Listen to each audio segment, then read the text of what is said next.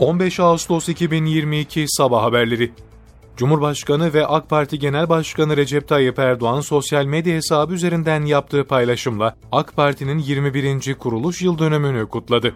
Cumhurbaşkanı Erdoğan paylaşımında 14 Ağustos 2001'de hangi heyecanla yola çıktıysak bugün de aynı heyecanı yüreğimizde taşıyoruz. Gönülleri fethetmek, kalpleri kazanmak için aynı kararlılıkla yolumuzda yürüyoruz. Türkiye'ye hizmet davamızda asla geri adım atmadık, atmayacağız, nice yıllara sözlerine yer verdi. Sağlık Bakanı Fahrettin Koca yakın zamanda resmi gazetede yayımlanan beyaz reformun detaylarını paylaştı. Buna göre ilçelerden başlayarak sözleşmeli kadrolar yaygınlaştırılacak. Ayrıca yeni uygulamada sözleşmeli doktorlar daha yüksek özlük haklarına sahip olacak. Bakan Koca performansa göre ek ödeme yönetmeliğinin yürürlükten kaldırıldığını belirterek ödül ve teşvik esaslı yeni bir modele geçileceğini vurgulamıştı. Emniyet Genel Müdürlüğü polis amirleri eğitim merkezi sınavları ile ilgili soru benzerliği iddialarının gerçeği yansıtmadığını bildirdi.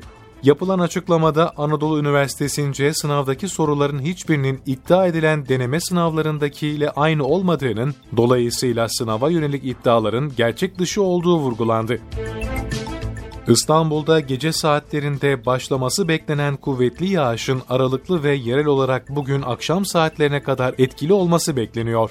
Yağışların Marmara'nın güney ve doğusunda aralıklı ve yerel olarak kuvvetli olması bekleniyor. Sağanak nedeniyle oluşması muhtemel sel, su baskını, yıldırım, yerel dolu yağışı, yağış anında kuvvetli rüzgar ve hortum gibi olumsuzluklara karşı dikkatli ve tedbirli olunması gerekiyor. Kocaeli'nin Karamürsel ilçesinde ormanlık alanda yangın çıktı. İhbar üzerine olay yerine itfaiye ve orman işletme ekipleri sevk edildi. Yangının söndürülmesi için karadan ve havadan çalışma başlatıldı. Yangın iki helikopterin de desteğiyle söndürülürken bölgede soğutma çalışmaları sürüyor. Rusya Savunma Bakanlığı Sözcüsü Igor Konashenkov, Rus ordusunun Ukrayna-Rusya savaşındaki eylemleri konusunda bilgi paylaşımında bulundu. Konashenkov, Ukrayna'nın Harkiv bölgesindeki UDI yerleşim birimini kontrol altına aldıklarını açıkladı. Konashenkov ayrıca Donetsk bölgesindeki 53. Mekanize Tugayı'na ait 200 kadar askerle 15 askeri teçhizatında yok edildiğini ileri sürdü.